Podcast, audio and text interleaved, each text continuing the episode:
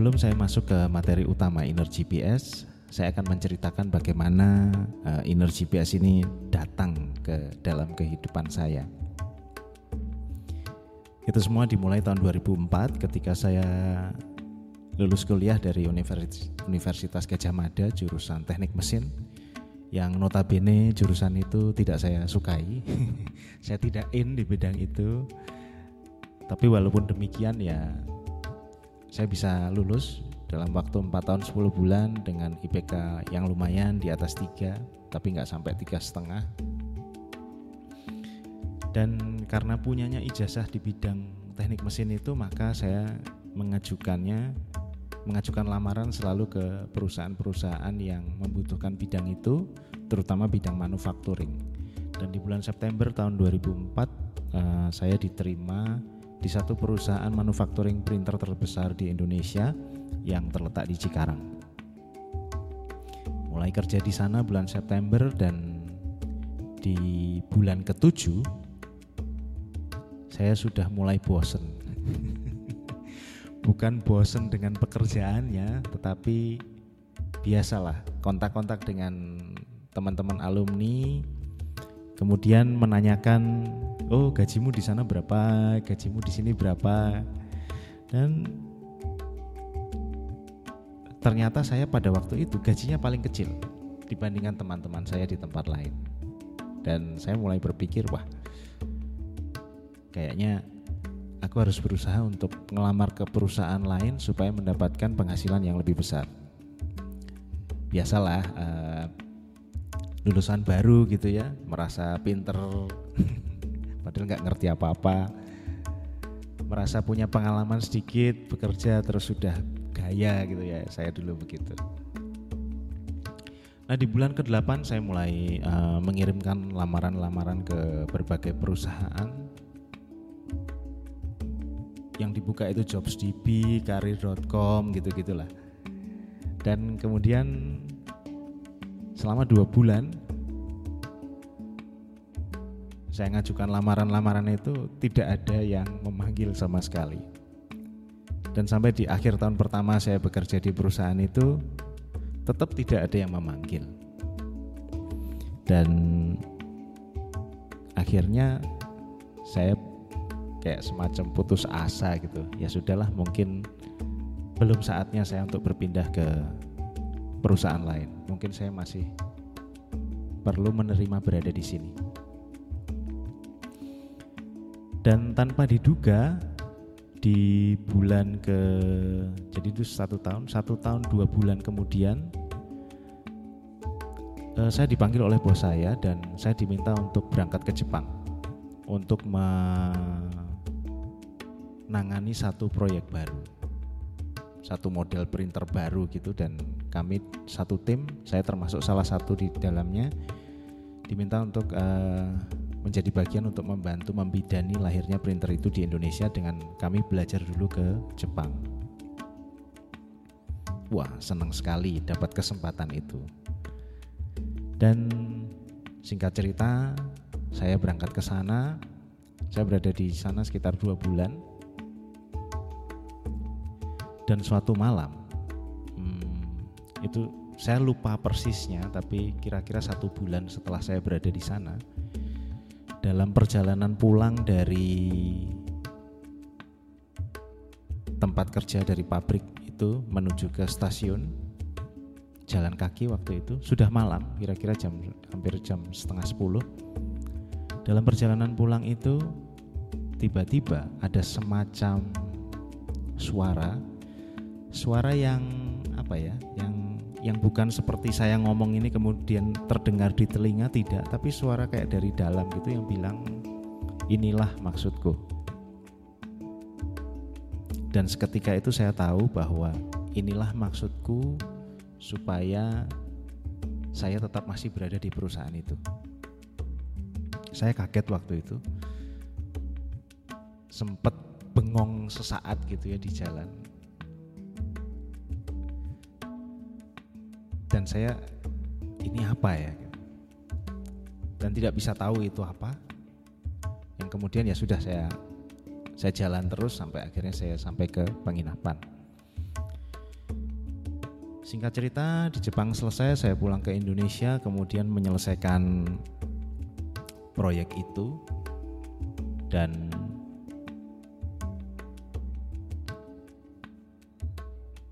proyek itu berjalan sampai akhir tahun kedua saya berada di perusahaan itu.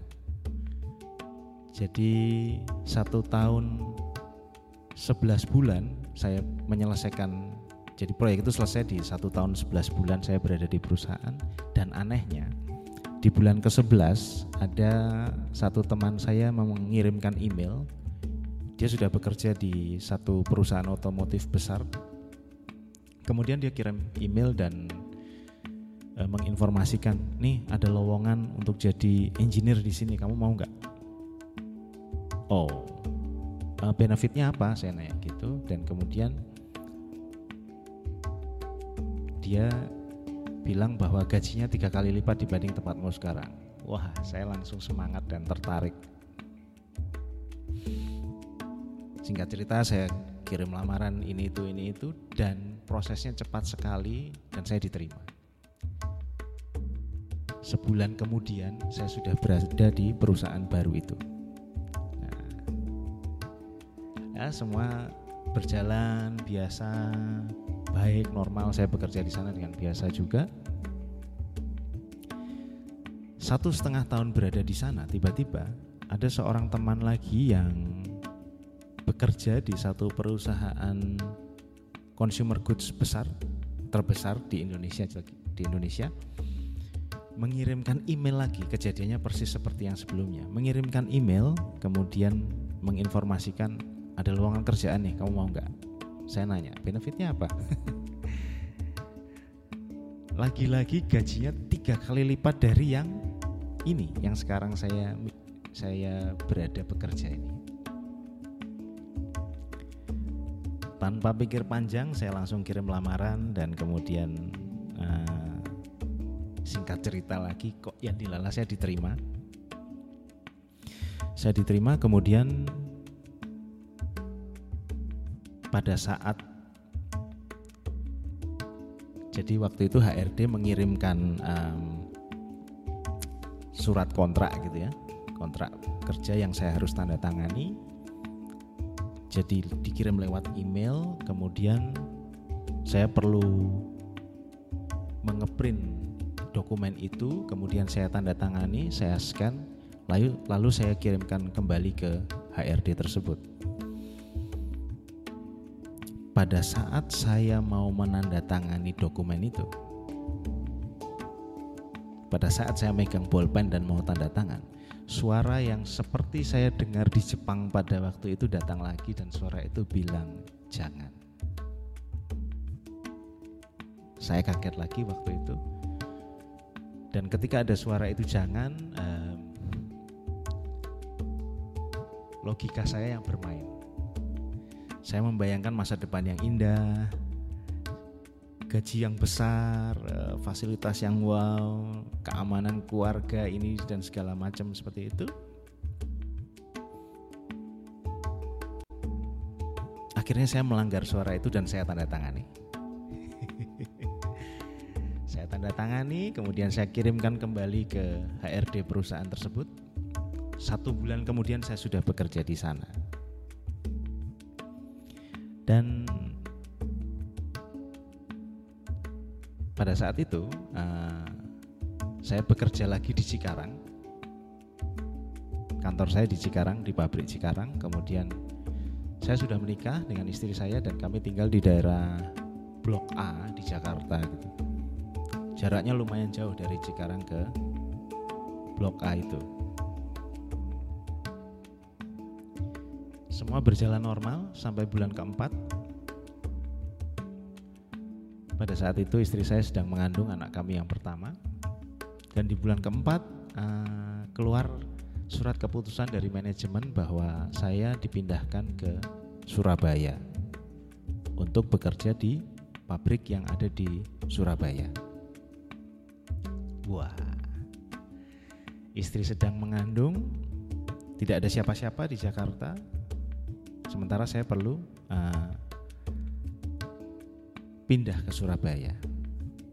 istri saya waktu itu juga bekerja dan pertimbangannya begini istri saya tetap kerja sementara saya ke Surabaya atau istri saya resign kemudian uh, ikut saya ke Surabaya hasil diskusi kami pada waktu itu adalah istri saya tetap bekerja di Jakarta dan saya ke Surabaya dengan mimpi bahwa kami akan memiliki uang yang banyak, masa depan yang indah, keamanan yang oke okay, dengan jalan seperti itu. Akhirnya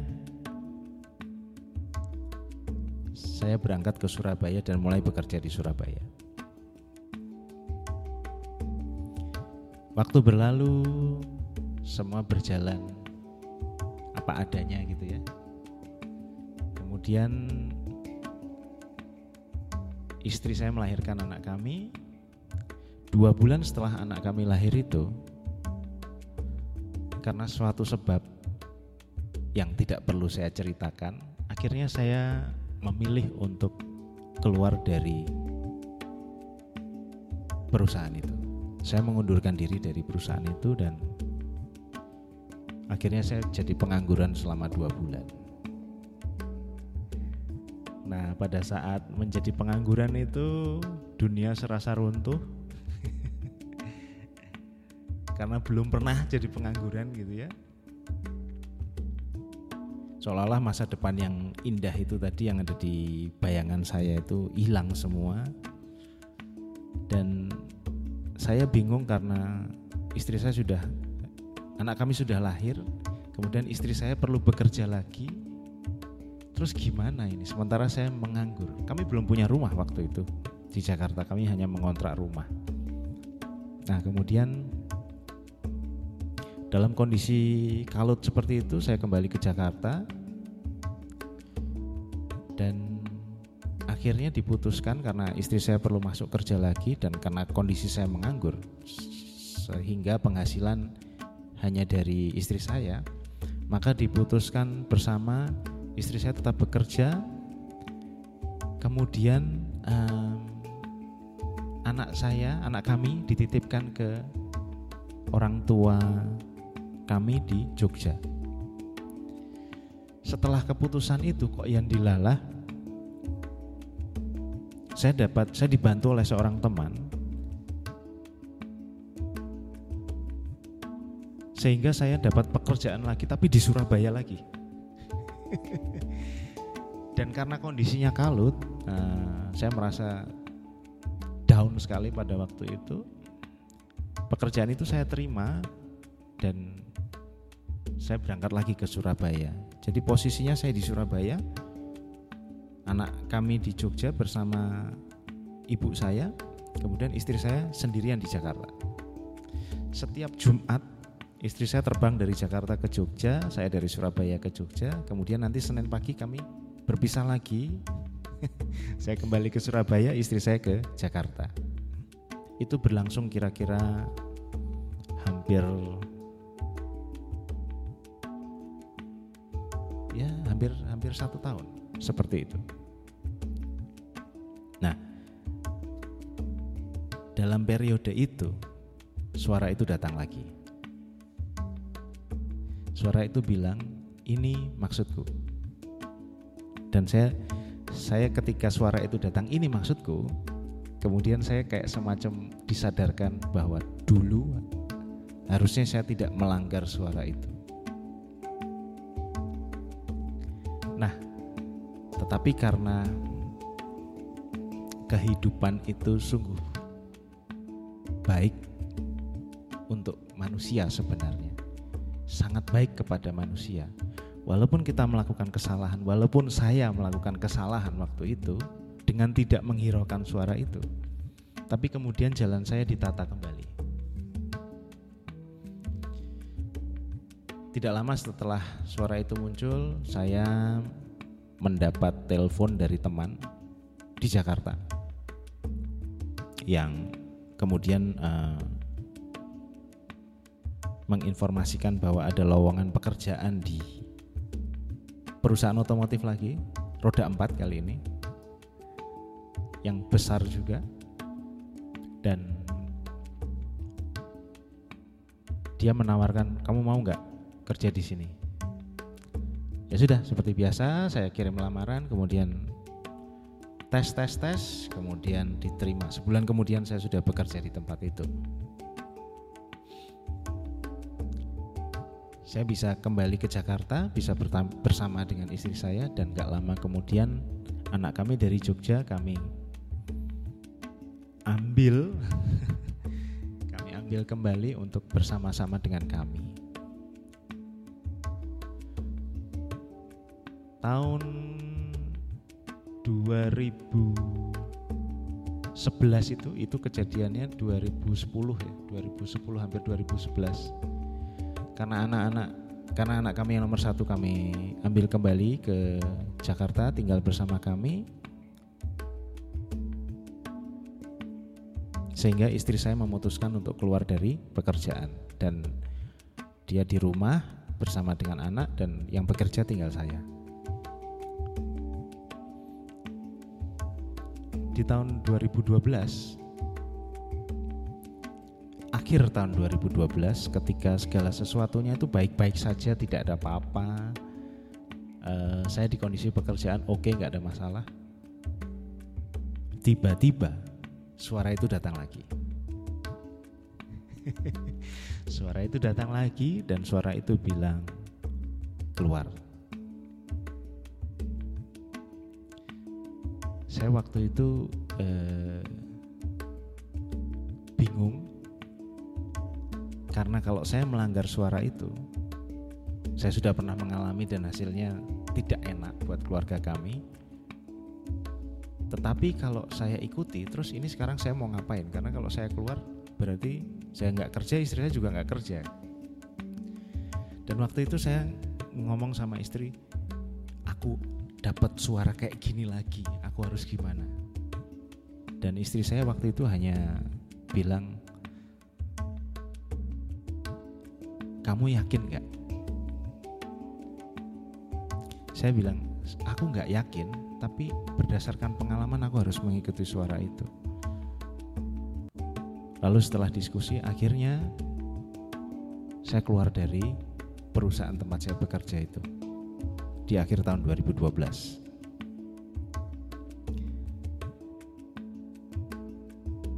Saya keluar. Kali ini keluarnya sudah tidak dengan drama lagi karena sudah pernah jadi pengangguran. Kali ini keluar dengan tidak tahu apa-apa benar-benar tidak tahu mau ngapain. Saya keluar begitu saja. Dan saya jadi pengangguran selama satu bulan. Di rumah cuman bangun siang nganter istri ke pasar main sama anak. Begitu terus setiap hari bersih-bersih rumah gitu ya benar-benar jadi bapak rumah tangga gitu Nah, lewat satu kebetulan, entah bagaimana saya dipertemukan dengan seseorang yang kemudian uh, membawa saya masuk ke dalam bisnis konstruksi. Yang kemudian itu saya jalankan dari tahun 2013 sampai 2018. Kenapa sampai tahun 2018? Karena di tahun 2018 suara itu datang lagi dan saya diminta untuk pulang. Pulang ke mana? Ke Jogja. Dan 2018 akhirnya semua yang ada di Jakarta kami tinggalkan termasuk ada satu kedai kopi di Jakarta waktu itu kami juga tinggalkan dan kami pulang ke Jogja begitu saja lagi-lagi tanpa tahu mau apa. Saya hanya berpegang pada bahwa suara itu membimbing setiap langkah hidup saya. Nah, ini adalah pengantar untuk kita masuk ke dalam inner GPS.